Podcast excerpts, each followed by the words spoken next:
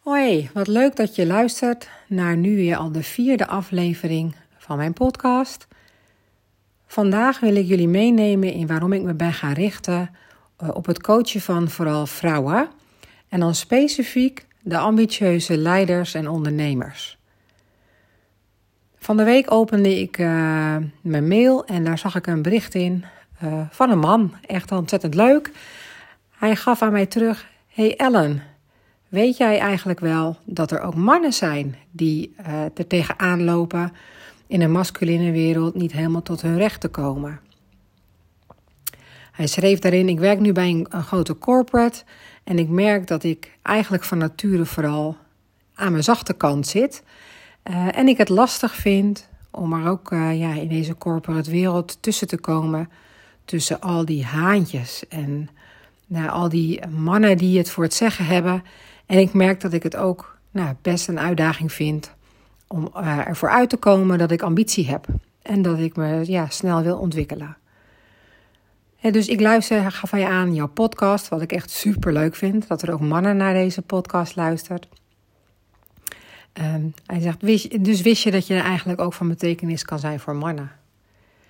Nou, los van dat ik het al heel erg leuk vond dat ik een bericht kreeg van deze man, uh, weet ik ook inderdaad dat er ook mannen zijn uh, die er last van hebben. Of nou ja, last is misschien een beetje overdreven, maar die merken dat uh, ze misschien niet altijd helemaal lekker voegen in die masculine bedrijfswereld. Want mannen hebben ook vrouwelijke kenmerken en ook mannelijke kenmerken. En met de kenmerken bedoel ik dan vooral de kwaliteiten die je veelal inzet. En ondanks dat ik weet dat um, ik misschien ook mannen hier wel heel goed bij zou willen kunnen helpen, ben ik me toch gaan richten op vrouwen. Toen ik begon met de coaching, was ik namelijk uh, eigenlijk de coach voor iedereen. Ik focuste me ook vooral op hetgeen ja, waar mijn expertise ook zit. Dat is mindset. En met het zenden van uh, ik ben mindset coach en ik kan iedereen helpen, ging ik uh, de markt op. Maar eigenlijk is dat hetzelfde als dat je een schot hagel lost. Dan uh, raak je misschien wel wat, maar ook heel veel niet. Door uiteindelijk aan de slag te gaan met een business coach, ben ik voor mezelf gaan afbellen. Maar waar zit het nu eigenlijk? Waar voel ik nou die roeping om echt een bijdrage aan te leveren. En in een split second uh, kwam ik eigenlijk terug bij mijn eigen levenslessen. Want wat had ik het fijn gevonden als ik eerder was meegenomen in het feit hoe je je als vrouw kan opstellen in een mannelijke bedrijfswereld, maar ook hè, dat je dus mannelijke kwaliteiten hebt, waar je dus ook gewoon enorm trots op mag zijn. En dat je vrouwelijke kwaliteiten hebt die je niet hoeft te onderdrukken. Dat had mij heel veel uh, levenslessen misschien bespaard. Uh, en aardig wat overpeinzingen. En ondanks dat ik die levenslessen mij ook hebben gebracht waar ik nu ben, uh, had het uh, pad misschien hier en daar wel iets vlakker geweest. Toen ik dat voor mezelf duidelijk had, ehm, ben ik daar ook me wat meer op gaan richten. En de toevalligheid wilde ook dat de coaches die ik tot op heden heb begeleid, dat waren ook ambitieuze leidinggevenden en ambitieuze vrouwelijke ondernemers. En ik merkte dat ik met hen ook een hele natuurlijke klik heb. Ik snap waar ze vandaan komen. Ik begrijp uh, de dilemma's die ze hebben. Waarbij ik natuurlijk ook gewoon mijn verhaal, mijn verhaal laat zijn. Uh, en niet uh, ga projecteren op de coachie, want dat is iets wat je als coach natuurlijk vooral niet moet doen. Maar ik herken wel veel van de dilemma's die ze hebben. en ik heb inmiddels een succesvolle ja, methode ontdekt die ze ook heel goed kan helpen. Dus ja, ondanks dat ik weet dat er ook mannen zijn die ik wellicht zou kunnen ondersteunen in hetgeen wat ik breng bij de vrouwen, heb ik er toch voor gekozen om het te richten op de, op de vrouwen. en dat is natuurlijk af en toe ook best wel een uitdaging. Uh, ook ik heb daar. Het is niet van de ene op de andere dag dat je denkt: ik ga mijn doelgroep verkleinen. Want dat is ook spannend. Denk je ook bij jezelf: gaat mij dat wel lukken? Uh, mis ik dan nu niet te veel? Uh, sluit ik dan geen mensen uit en wat vindt iedereen daarvan? Ja, kortom, dat zijn natuurlijk mijn belemmerende overtuigingen. En dat maakt eigenlijk wel dat ik toch ook weer terugval op uh, een expertise die ik uh, bezit. En waar ik echt nou, ontzettend warm van loop. En dat is hoe kan je nou je groeigerichte mindset aanzetten. Want uiteindelijk begint elke transformatie bij jezelf. Je kan wachten tot de omgeving verandert of dat mensen anders gaan doen, ehm, maar dan kan je lang wachten. Dus het begint bij jezelf. Ja, en ehm, eigenlijk alles wat je vandaag de dag doet als reactie in overleggen, of als je die sales call hebt, of als je in je winkel staat, alles uh, komt voort uit wat je in het verleden hebt geleerd. Je brein is daar ontzettend een grote belangrijke factor in. Uh, dat begint eigenlijk al vanaf baby af aan. Uh, je zoekt bevestiging bij je ouders en je kijkt welke reactie de juiste reactie bij je ouders teweeg brengt.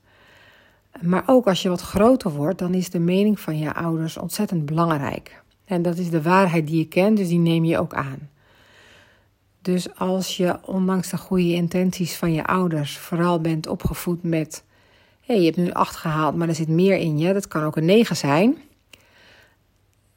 Kan het heel snel zo zijn in jouw brein met: hé, hey, een acht is niet goed genoeg, het moet een negen zijn. En de volgende keer dat je dus een 7 of een 8 haalt, kwalificeer je jezelf al. Dit is niet goed, want het had in elk geval een 9 moeten zijn. Nou, dat zijn allemaal van die uh, patronen die zo ontstaan gedurende de jaren. je brein die, uh, die is eigenlijk bedraad vooral om jou te beschermen.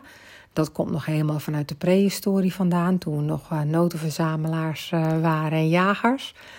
Um, en is erop geënt om jou te beschermen. Dus op het moment dat jouw brein een associatie heeft met een onprettige ervaring uit het verleden, dan vergelijkt hij dat uh, vandaag de dag nog steeds met hoe je dat toen ervaren hebt. En geeft daar een reactie op. En dat is dan je emotionele brein die dat vooral doet. En die zorgt er ook voor dat je de amygdala verdrukt raakt, waardoor je gewoon letterlijk ook even niet meer kan nadenken. En je gaat heel primair reageren. Dat is vechten, vluchten of bevriezen. Nou, ik heb jullie al eens eerder verteld eh, dat mijn uh, mechanisme vooral vechten is geweest. Uh, maar dat kan voor ieder anders zijn. Het kan je zelfs al overkomen als je gewoon in een overleg zit met collega's en je denkt: oh, die collega is een 9, ik ben eigenlijk een 7. En dan ga je of heel erg bewijzen ten opzichte van die collega, want je vergelijkt je met hem of haar, dus ga je vechten. Of je denkt: uh, laat maar, mij uh, even niet gezien en ik hou mijn mond wel even dicht. En als ik niks zeg, dan zie je hem ook niet. Hè, dus eigenlijk een beetje bevriezen. Of je kiest ervoor om helemaal weg te duiken en, en te vluchten. Hè. Misschien zelfs het overleg wel uit, omdat je zogenaamd even een urgente call moet plegen. Of richting het toilet mag gaan.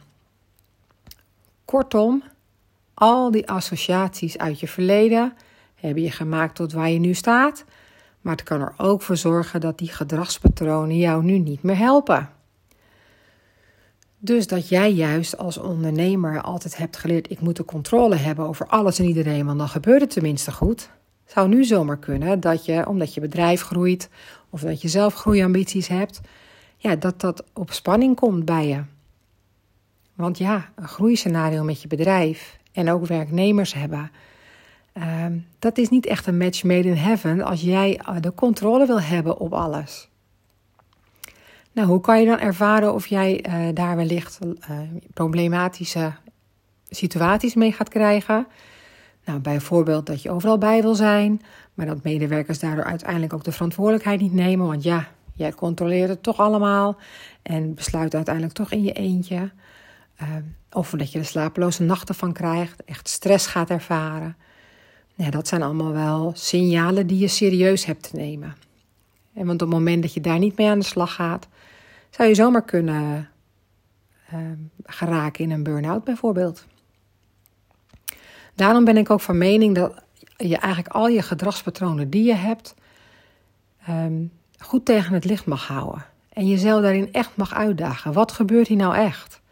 Wat zeg ik nou tegen mezelf? En die criticaster die heeft iedereen in zich. Ook ik. Ehm, en die criticaster krijg je nooit helemaal monddood, is mijn ervaring. Maar je kunt er wel mee leren omgaan. En je kunt in plaats van een grote, roeptoeter, grote roeptoeter, ik struikel er helemaal over, op de achtergrond te hebben, kan het ook een klein stemmetje worden. En om dat goed beter te pakken, moet je aan de slag gaan met jouw mindset. Hoe denk jij over zaken?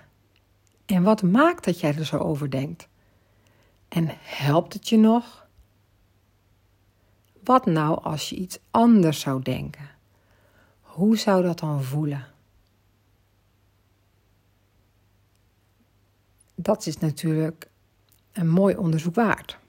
En dat is ook waar ik altijd tijd voor inruim in de trajecten die ik aanbied. Want uiteindelijk begint persoonlijke ontwikkeling, persoonlijk leiderschap, vrouwelijk leiderschap begint bij jou. Bij het onderzoeken hoe je over zaken denkt, waarom je dat doet, of het wel echt waar is en of het je ook helpt om op die manier te denken. Want laten we wel wezen, heel stiekem zijn veel vrouwen nog steeds bezig met de erkenning te halen uit de omgeving of van anderen. Nog steeds op zoek: doe ik het goed genoeg? Heb ik de waardering van de ander? Als ik die heb, kan ik mezelf waarderen. Maar je kan dat niet beïnvloeden of iemand anders jou waardeert. Hoe mooi zou het zijn als je de waardering uit jezelf haalt? En dat kun je realiseren in de trajecten die ik je aanbied, uiteraard. Uh, maar ook in deze podcast heb ik je eigenlijk al meegenomen met een aantal vragen die je jezelf zou kunnen stellen. Ik denk nou dit in deze vergadering. Is dat nou echt waar? Waar blijkt dat dan uit? Of zal ik daar gewoon eens een nieuwsgierige vraag over stellen? En wie weet kom je dan dan wel tot het inzicht dat je die criticaster flink hoort roepen. En dat het tijd wordt om die criticaster een kleine adviseur te laten worden die je ook mag negeren. Ja, en omdat ik dit zelf aan de lijf heb ondervonden, uh, inmiddels mezelf ook geschoold heb in hoe je hiermee om kunt gaan.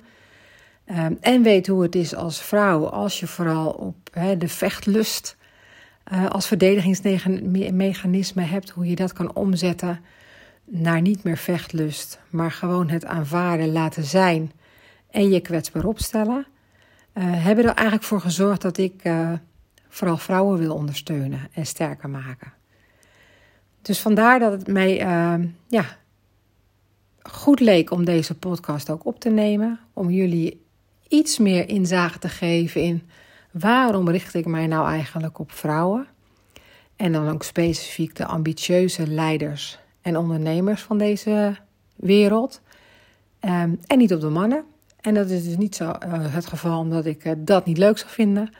Maar omdat mijn eigen levensverhaal en mijn expertise het allerbeste terechtkomt uh, bij deze doelgroep. Dus ben jij die ambitieuze leidinggevende of leider, of die ambitieuze vrouwelijke ondernemer en herken jij dat jij af en toe een best grote roeptoeter in je achterhoofd hebt zitten, die jou van alles nog wordt verteld en die jou nu niet meer helpt met waar je nu staat, dat je bijvoorbeeld uh, jezelf verhard voelt worden, gestrest raakt, uh, grip en greep voelt verliezen en daar erg oncomfortabel bij wordt, voel je vooral vrij om een matchcall bij me in te plannen. Dan kijken we gewoon of ik je zou kunnen helpen daarbij. En als ik je niet kan helpen, dan heb ik inmiddels een netwerk met heel veel andere goede coaches die wellicht jou daarbij kunnen helpen. Zo'n matchcall is altijd vrijblijvend, kost je helemaal niets, hoogstens een half uurtje van je tijd. Uh, en eerlijkheid. Want ja, zonder eerlijkheid kan je de transformatie nooit aangaan uh, die je zou willen aangaan. Ik dank je voor het luisteren naar deze vierde podcast. Ben je nieuwsgierig geworden Voel je vrij, plan een matchcall in of kijk op mijn website die je ook in deze story notificaties kunt terugvinden. En tot de volgende keer.